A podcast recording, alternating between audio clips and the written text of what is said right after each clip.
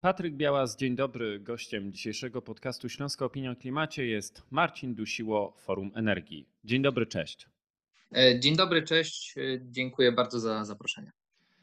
Po raz wtóry. Rok 2022 był kolejnym rokiem nieoczekiwanych wydarzeń. Z jednej strony agresja Rosji na Ukrainę, z drugiej strony kryzys energetyczny, które znacząco zmieniły sposób postrzegania transformacji energetycznej w Europie.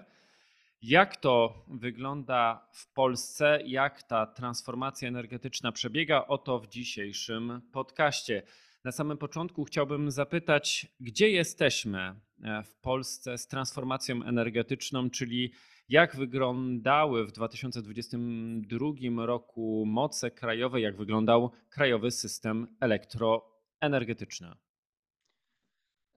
Dziękuję, że doprecyzowałeś, że chodzi o krajowy system elektroenergetyczny i pod tym kątem transformacji energetycznej chcesz usłyszeć odpowiedź, bo e, nasza najnowsza edycja raportu, która to jest przyczynkiem do tego naszego spotkania i, i, i liczby z niej e, postaram się tutaj jakoś zaprezentować, jest o wiele szersza niż w zeszłym roku niż poprzednio. Generalnie staraliśmy się zrobić taki taki jeden dokument, taki jeden zbiór danych, który będzie mówił nie o transformacji systemu elektroenergetycznego tylko, tylko transformacji energetycznej w rozumieniu energii zużywanej absolutnie wszędzie. To są też paliwa, to są to jest ogrzewanie, wiele innych aspektów, które są nie tylko w samych mocach zainstalowanych w elektrowniach węglowych czy tam gazowych. Ale jeżeli na samym początku o tym chcesz, żebym poopowiadał, to przede wszystkim trzeba powiedzieć, że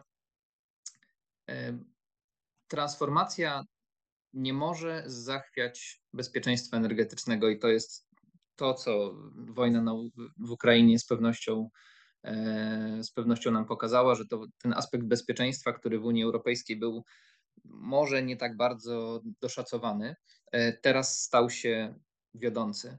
I jeżeli spojrzymy pod kątem bezpieczeństwa na, na, na nasz system elektroenergetyczny, sam na razie elektro, to wcale nie jest różowo. Mieliśmy najniższe rezerwy mocy, e, w sensie, jeżeli spojrzymy, jaka była minimalna rezerwa mocy w systemie, e, to znaczy, ile patrzymy sobie, jaką mamy, jakie mamy zapotrzebowanie, jaka jest możliwa, dostępna w systemie moc. Jeżeli sobie odejmiemy jednego, jedno od drugiego, to zobaczymy, jaka jest nadwyżka tych mocy, które jakby co mogłyby wejść do systemu, żeby nas uratować E, gdyby, gdyby pojawiło się jakieś większe zapotrzebowanie, albo gdyby któraś z jednostek obecnie pracujących uległa awarii. I to ta moc wyniosła około troszkę poniżej 1,4 GW. To było poniżej 6% mocy w. To było około któryś października e, wyniosła rezerwa, co jest e, wskaźnikiem najniższym od 7 lat przykładowo w 2019 roku, czyli nie porównuję do okresu pandemii, tylko porównuję do okresu przedpandemicznego, ta najniższa rezerwa mocy wyniosła 4,2 GW przy jednoczesnym mniejszym, niewiele, ale jednak e, zużyciu energii elektrycznej. E, tak więc widać, że jesteśmy w gorszej sytuacji pod względem bezpieczeństwa, co nie powinno nikogo dziwić, patrząc na zapóźnienia modernizacyjne, patrząc na to, że mamy coraz mniej jednostek centralnie dysponowanych, którymi może operator PSE, e, którymi może sterować i bilansować system. E, I to nie tylko procentowo jest ich najmniej, ale też w liczbach takich bezwzględnych. E, średnia moc dyspozycyjna jednostek centralnie dysponowanych wyniosła 20,4 GW, co żeby nie, nie, nie, zarzucać liczbami. Natomiast y, jest to najmniejsza wartość od ponad 10 lat. Czyli zużycie energii nam rośnie przez elektryfikację, na razie jeszcze raczkującą, ale, ale wciąż mamy coraz więcej klimatyzatorów, mamy coraz więcej samochodów elektrycznych, mamy coraz więcej pomp ciepła. I wiadomo, że to nie są trendy, które no, chwilowo, raz w roku się zdarzyło, że mamy tego dużo. Nie, to są, to są wielkie, to są gigatrendy, to megatrendy, e, różne nomenklatury. E, to są megatrendy światowe i to też jest mocno widoczne w polskiej, no, na polskiej ziemi. Mamy tego coraz więcej, elektryfikować będziemy coraz więcej, zużycie będzie coraz większe, moce e, które, które będzie system potrzebował, będą coraz wyższe, a mocy dyspozycyjnych nam spada. I to jest zarówno przez to, że po prostu nie ma przesadnie dużo tych mocy dyspozycyjnych, ale przede wszystkim przez to, że one są coraz bardziej awaryjne, bo to są bloki e, kilkudziesięcioletnie w dużej, e, w dużej mierze. I e, oczywiście nie ma nic złego w tym, że jest ich coraz mniej procentowo, dlatego że instalujemy odnawialne źródła energii, które, które dają nam bezpieczeństwo w takim rozumieniu, że e, każde terawatogodzina, każda jednostka energii wyprodukowana z odnawialnego źródła energii, czyli z energii, która no, jest w powietrzu, jest w Polsce, jest to słońce, które pada na grunt, jest to wiatr, który sobie wieje e, na łanach pola, to nie jest energia, którą my musimy importować. I im więcej mamy tych odnawialnych źródeł energii, to wiadomo, tym mniej musimy, im więcej to wyprodukuje, tym mniej musimy importować paliwa, tym mniej tych paliw kopalnych musimy, e, musimy spalić. Co oczywiście z perspektywy klimatycznej to jest super ważne, ale do, wojna w Ukrainie pokazała i, e, i wzrosty cen ze względu na nałożony, na, nakładający się kryzys energetyczny, kryzys popandemiczny, no, kryzys wszystkiego, jak to już wielokrotnie, wielokrotnie było mówione. E, ze względu na ten kryzys wszystkiego mamy taką sytuację, że wszystko, z czego korzystaliśmy, jest teraz droższe. I teraz e, oczywiście odnawialne źródła energii może nie są sterowalne. Wiadomo. E, jest to pewne wyzwanie przy pewnej penetracji, do której my się kompletnie nie zbliżamy jeszcze. PSM mówi, że w roku 2030 może mieć 50% odnawialnych źródeł energii i sobie z tym poradzi. My jesteśmy w roku 2022, mieliśmy, mieliśmy produkcji e, z odnawialnych źródeł energii 20,6%. Więc jesteśmy bardzo daleko od tego. E, I natomiast wiadomo, istnieją pewne wyzwania w miarę jak odnawialne źródła energii będą stanowiły coraz większy, coraz większy udział. To jeszcze nie jest ten problem, kiedy jest to wyzwanie, kiedy jest to problem, kiedy mamy naprawdę krytyczną sytuację w systemie, bo jest tego za dużo. Nawet się do tego nie zbliżamy. E, natomiast im będzie ich więcej, tym mniej będziemy musieli importować. I teraz import jest z dwóch przyczyn zły. Jeden, bo zasilamy, e, zasilamy Polską, zasilamy zagraniczne rynki, w tym w dużej mierze niestety wciąż to, był, to były wartość, e, którą przerywaliśmy do Rosji. E, I, w, I drugie to jest, są pieniądze, które my musimy wydać i je wyeksportować za granicę, zamiast przeznaczyć na transformację polskiej energetyki. I tak bardzo jeszcze krótko, w 2022 roku za, e, na import paliw kopalnych, tylko w tym jednym roku wydaliśmy 193 miliardy złotych.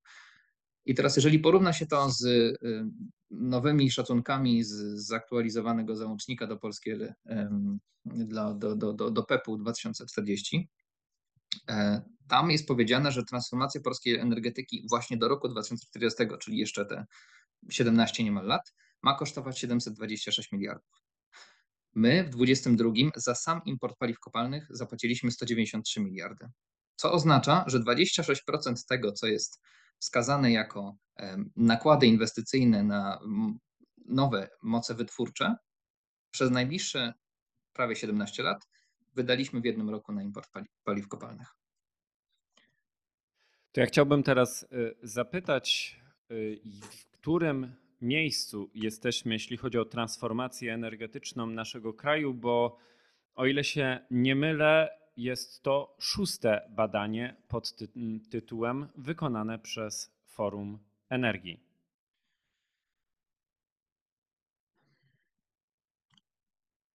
Zastanawiam się, jak to ładnie i skrótowo ująć. I wydaje mi się, że najlepszym wskaźnikiem, bo teraz przejdźmy z tej elektroenergetyki, w której odnawialne źródła energii stanowią jakiś tam procent. Jesteśmy na, nie powiem, że jesteśmy w dobrym miejscu, e, że wysiłki, które są podejmowane, są wystarczające. Absolutnie nie. Natomiast tu się coś dzieje. O, może tak to powiem. E, natomiast jeżeli spojrzymy na całą transformację energetyczną Polski jako całego kraju, nie tylko samego, samej części elektrowni, elektrociepłowni, tylko spojrzymy na transformację energetyczną Polski, czyli uwzględnimy transport, uwzględnimy przemysł, uwzględnimy rolnictwo, uwzględnimy gospodarstwa domowe, no jest kiepsko. Dobrze to pokazują dwie liczby. Jedna to jest ile, jaki, z jakimi emisjami wiąże się wykorzystanie energii w Polsce. Czyli mamy Polskę, która emituje ileś na swoje działanie, na swoją gospodarkę, na to, żeby ludzie tutaj żyli i żeby, żeby funkcjonowali, produkty, żeby się e, produkowały, a ludzie przemieszczali i towary. I wiemy, ile tej energii jest zużyte, i wiemy, jakie są emisje, wiążą się z, no, z działalnością kraju. Jeżeli sobie podzielimy jedno przez drugie i tak zrobimy na całym świecie, to pod, czyli spojrzymy jakby, jak bardzo emisyjna jest gospodarka, no to niestety nam wyjdzie, że, że pod względem wykorzystania, pod względem ilości emisji, które są, ilości e, CO2, które jest emitowane razem z e, zużywaniem energii, obojętnie jakiego, jakiej postaci, obojętny w dowolnym celu, ale w Polsce jesteśmy na siódmym miejscu E, od końca oczywiście. E, czyli zastanawiam się, zastanawiam się, jak to, jak, jak, to, jak to ładnie inaczej pokazać. Że, czyli jesteśmy w takim towarzystwie jak RPA, jesteśmy w takim towarzystwie jak Chiny, jesteśmy w takim towarzystwie jak Malezja, natomiast jesteśmy 50% bardziej emisyjni od Francji. Oczywiście nie będę tam mówił o konkretnych jednostkach, ile to jest ton CO2 na, na tonę oleju ekwiwalentnego, bo to nie ma żadnego znaczenia i to też nie są jakieś intuicyjne wskaźniki. Natomiast wskazuje to, że w skali całej polskiej gospodarki mamy naprawdę jeszcze wiele do zrobienia. Jesteśmy gospodarką po prostu bardzo emisyjną. Kropka. I teraz jest szereg, szereg przyczyn, na których y, pewnie pewnie moglibyśmy spędzić jeszcze kolejne co najmniej trzy podcasty. Natomiast to jest jakiś taki wskaźnik, który no, coś tam pokazuje. To, to, to jest ciekawe. Natomiast y, żeby porównać się z innymi państwami. No teraz porównajmy się sami ze sobą. Jak nam to, jak nam idzie redukowanie tego? No więc y, porównajmy sobie, ile Polska mniej teraz emituje niż emitowała kiedyś. No i teraz rokiem referencyjnym dla ogółu państw Unii Europejskiej jest rok 2005. I jeżeli spojrzymy, ile mniej emitujemy teraz względem roku 2005, to jest 0,7%.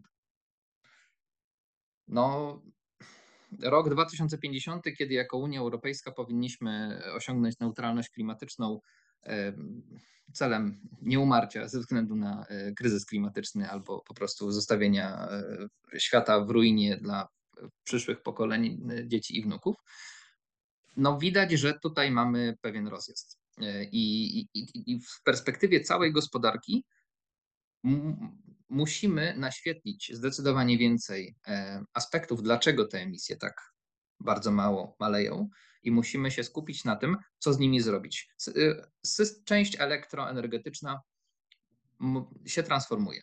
Powoli, bo powoli.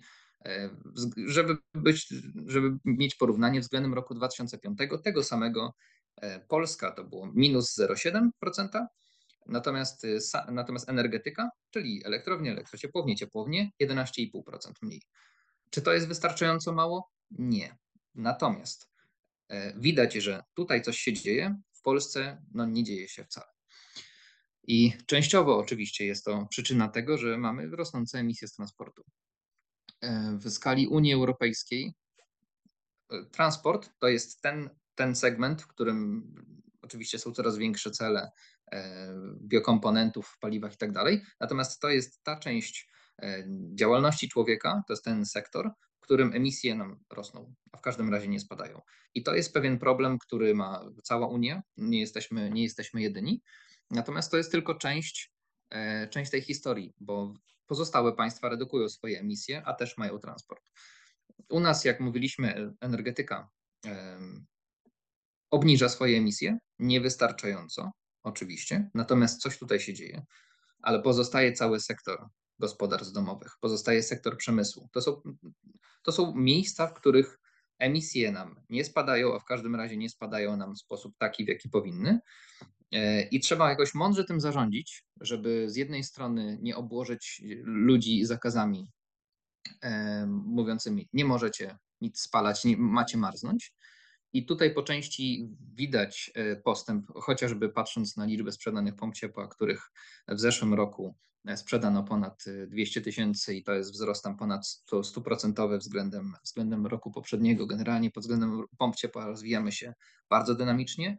Oczywiście nie zbliżamy się w żaden sposób z perspektywy tego, ile e, pomp ciepła mamy zainstalowanych w ogóle gospodarstw domowych do, nie wiem, do Norwegii, w sensie chodzi o procentowo, ile gospodarstw domowych jest, e, jest zasilanych e, w, w ciepło, nazwijmy to. No to nie zbliżamy się do, do państw nordyckich, które, które przodują od, od lat wielu. Natomiast tutaj widać, że jest ruch i to jest fantastyczne. Elektryfikujemy ciepło, to nie jest jeszcze ten moment, kiedy możemy powiedzieć, że zelektryfikowaliśmy. Mamy sytuację opanowaną, natomiast tutaj widać ruch i to jest bardzo dobre, należy się, należy się z tego cieszyć. Natomiast y, z perspektywy transformacji i dekarbonizacji przemysłu, tutaj dużych postępów nie widać. I teraz y, tu z pewnością będzie potrzebna jeszcze, jeszcze wytężona praca, żeby, żeby określić jakieś ścieżki dekarbonizacji dla, dla przemysłu, bez pozbywania się tego przemysłu, oczywiście, bo na tym nikomu nie zależy. No i chciałbym zapytać, co wynika z tych Waszych analiz, czyli jakie wnioski przy aktualizacji polityki energetycznej Polski czy Krajowego Planu na rzecz Energii i Klimatu należy uwzględnić, co proponujecie?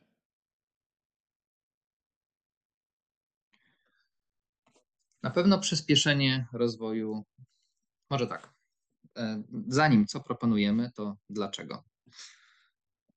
Mamy od jakiegoś czasu w Polsce widoczny trend, z którym bardzo dobrze, że on się pojawił wcześniej, a nie dopiero w ostatnim roku, że mamy dywersyfikować szlaki dostaw paliw kopalnych. I to jest dobre, bo zmniejszyliśmy naszą zależność importową od Rosji. E, jakby z tym nie ma co się kłócić, absolutnie. E, nie chodzi tutaj tylko o kwestię rachunków. E, tu przypomnę, że Rosja dostała od nas w 2022 roku, znaczy od 2013 roku, czyli od, w przeciągu ostatnich 10 lat dostała 594 miliardy złotych już po przeliczeniu, po uwzględnieniu inflacji, żeby po prostu to były te złotówki, które dzisiaj rozumiemy jako złotówki. E, około 600 miliardów złotych Rosja otrzymała w przeciągu poprzednich 10 lat. I oczywiście z jednej strony trzeba się e, dywersyfikować, żeby nie być tak zależnym od jednego z, z, z, z partnerów handlowych, o ile można mówić o tym kraju, że to jest partner,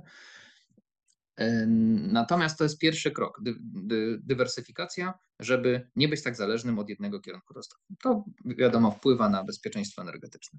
Natomiast drugi krok to jest to, co mam nadzieję, że stanie się, e, stanie się nowym tym trendem. To nie jest dywersyfikacja, czyli robienie, żeby daną ilość importować nie z jednego miejsca, tylko z wielu, tylko żeby coraz mniej musieć importować.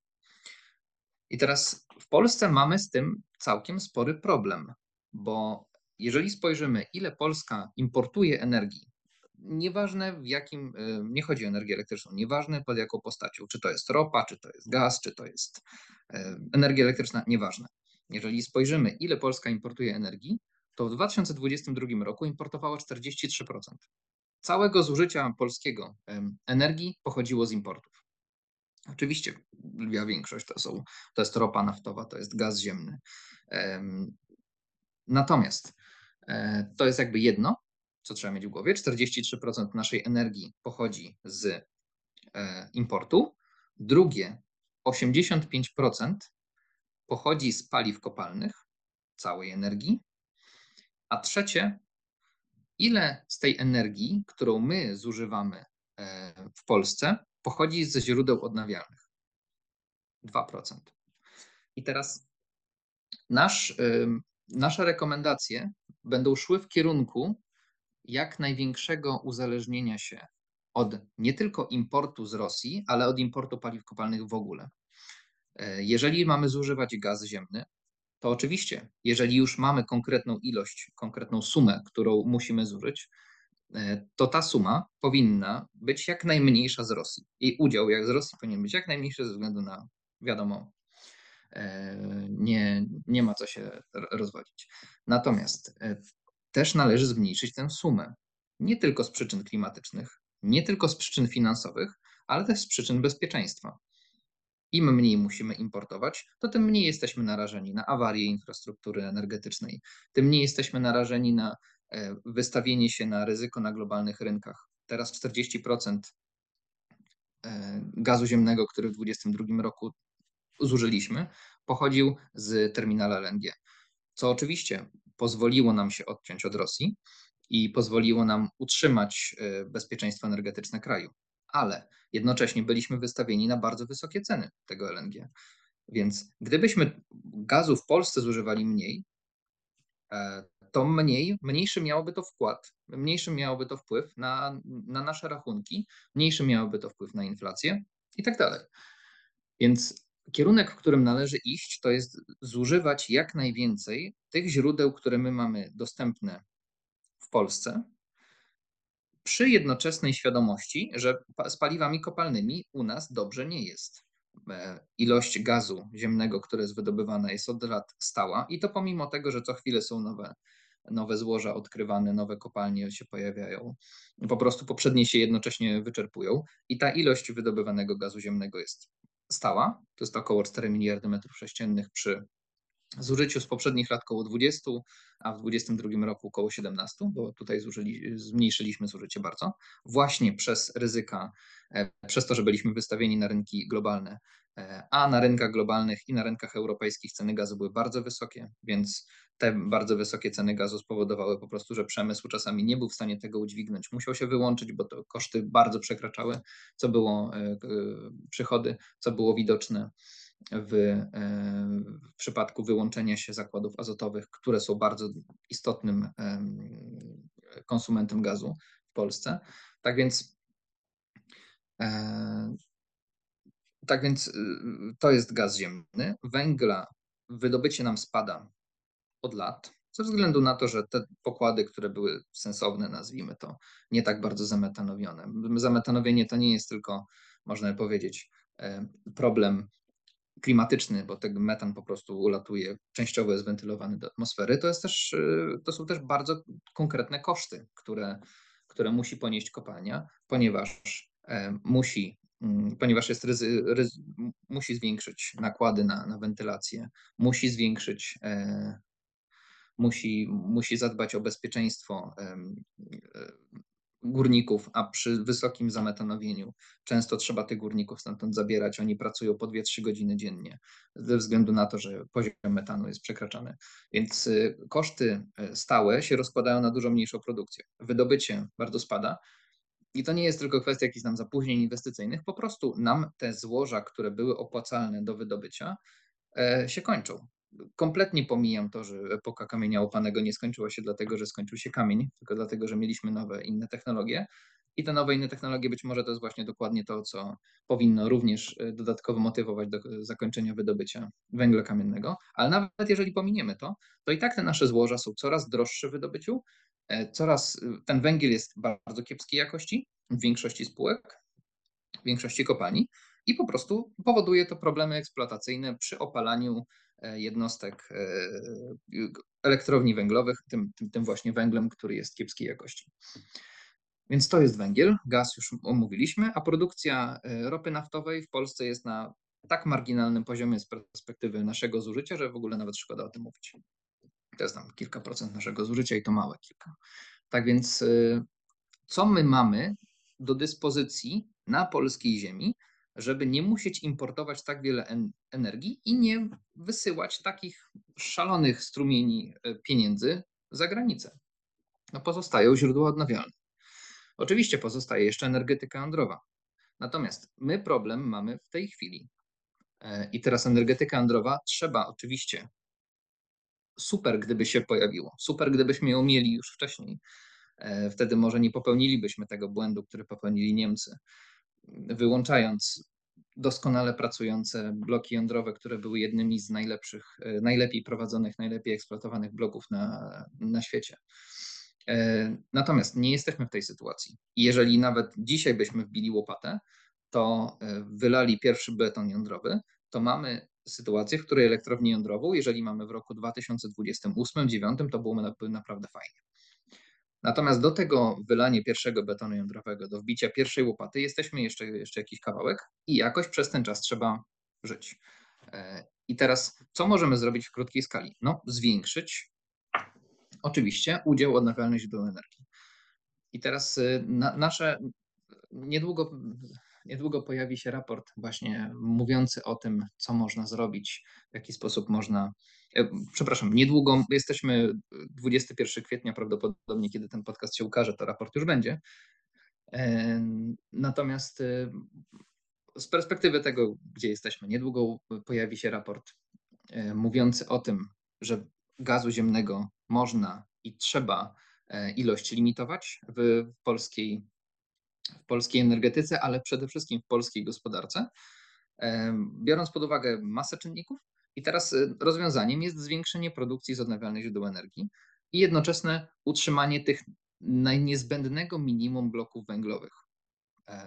Bo to też jest istotne, że część bloków węglowych, te, które będą w stanie uzyskać te parametry elastyczności, które będą potrzebne do, do, do, do, do współpracy z, z E, z odnawialnymi źródłami energii, a tych bloków węglowych nie będzie wiele, bo najstarsze bloki 100 MW kompletnie się do tego nie będą nadawały. Bloki 360 MW i 500 bez, bez bardzo gruntownego przejrzenia i modernizacji wybrania tych poszczególnych bloków, które są w stanie to zrobić. Zresztą one są duże, to też, też limituje ich elastyczność one, one prawdopodobnie nie będą w stanie współpracować w sposób efektywny. Bloki 200 MW, klasy 200 MW one są małe i część z nich można by zostawić na bardzo określony czas, kiedy to będzie potrzebne z perspektywy bezpieczeństwa systemu, bo trzeba mieć to cały czas na uwadze, że transformacja nie może zagrażać bezpieczeństwu.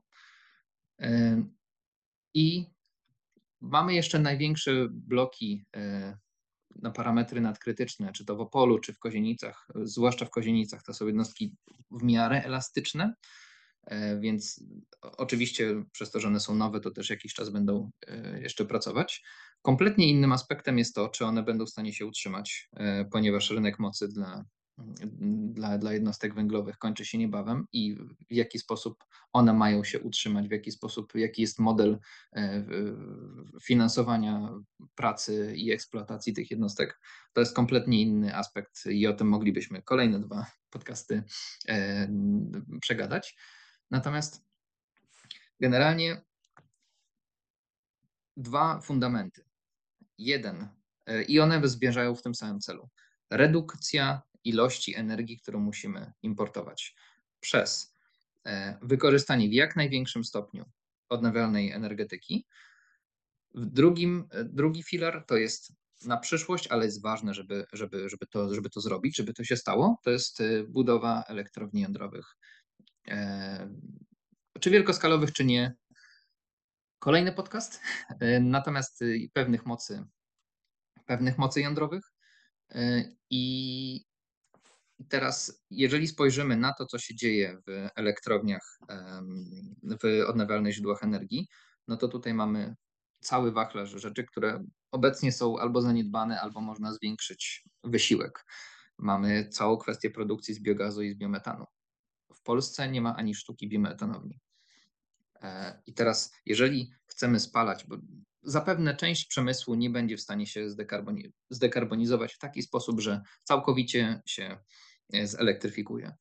Część e, ciepła wysokotemperaturowego, który jest w przemyśle wykorzystywane, musi być stworzone do, do czasu. Być może pojawi się jakiś przełom technologiczny, natomiast część musi pochodzić ze spalania. I teraz no, można robić to w sposób mało sensowny, to znaczy spalać zielony wodór. Dlaczego mało sensowny? Bo jest cały szereg innych gałęzi gospodarki, gdzie ten zielony wodór jest dużo bardziej potrzebny e, i nie da się go zastąpić niczym innym jak na przykład przy produkcji, em, przy produkcji nawozów, e, przy, przy hydrokrakingu e, w rafineriach i tak dalej. E, A część można, e, więc tą część e, przemysłu, którego nie da się zelektryfikować, e, być może będzie musiała być e, opalana wciąż gazem i fajnie, gdyby ten gaz był nie, nieemisyjny. To mógł być biometan. Czyli mamy biometanownię, mamy biogazownię, e, offshore, który jest planowany i dobrze, że jest planowany, istnieje tutaj przestrzeń na zwiększenie ilości tych mocy. A że to są moce stabilne, bo wiatry na takiej wysokości i na tak otwartej przestrzeni, jakie są, jakim jest Morze Bałtyckie, są w miarę stabilne. Więc y, to nie, nie, nie mamy do czynienia z tak wielką zmiennością jak w przypadku fotowoltaiki czy, czy niskich y, turbin wiatrowych gdzieś w jakichś troszkę gorszych terenach. Więc jest cały, cały szereg, cały wachlarz rozwiązań, z których można by skorzystać, tylko musi być ten konsensus, że e, to jest rzecz, którą my musimy zrobić. Nie z przyczyn, nawet jeżeli ktoś nie dba o klimat, nawet jeżeli ktoś nie dba o swoje finanse, to z przyczyn bezpieczeństwa energetycznego. Bardzo dziękuję za tę dzisiejszą rozmowę. Moim gościem był Marcin Dusiło z Forum Energii, a zainteresowanych odsyłam na stronę www.forum-energii.eu, gdzie znajdziecie Państwo raport Transformacja energetyczna w Polsce, edycja 2023. Dziękuję bardzo za rozmowę. Dziękuję bardzo za uwagę. Do usłyszenia.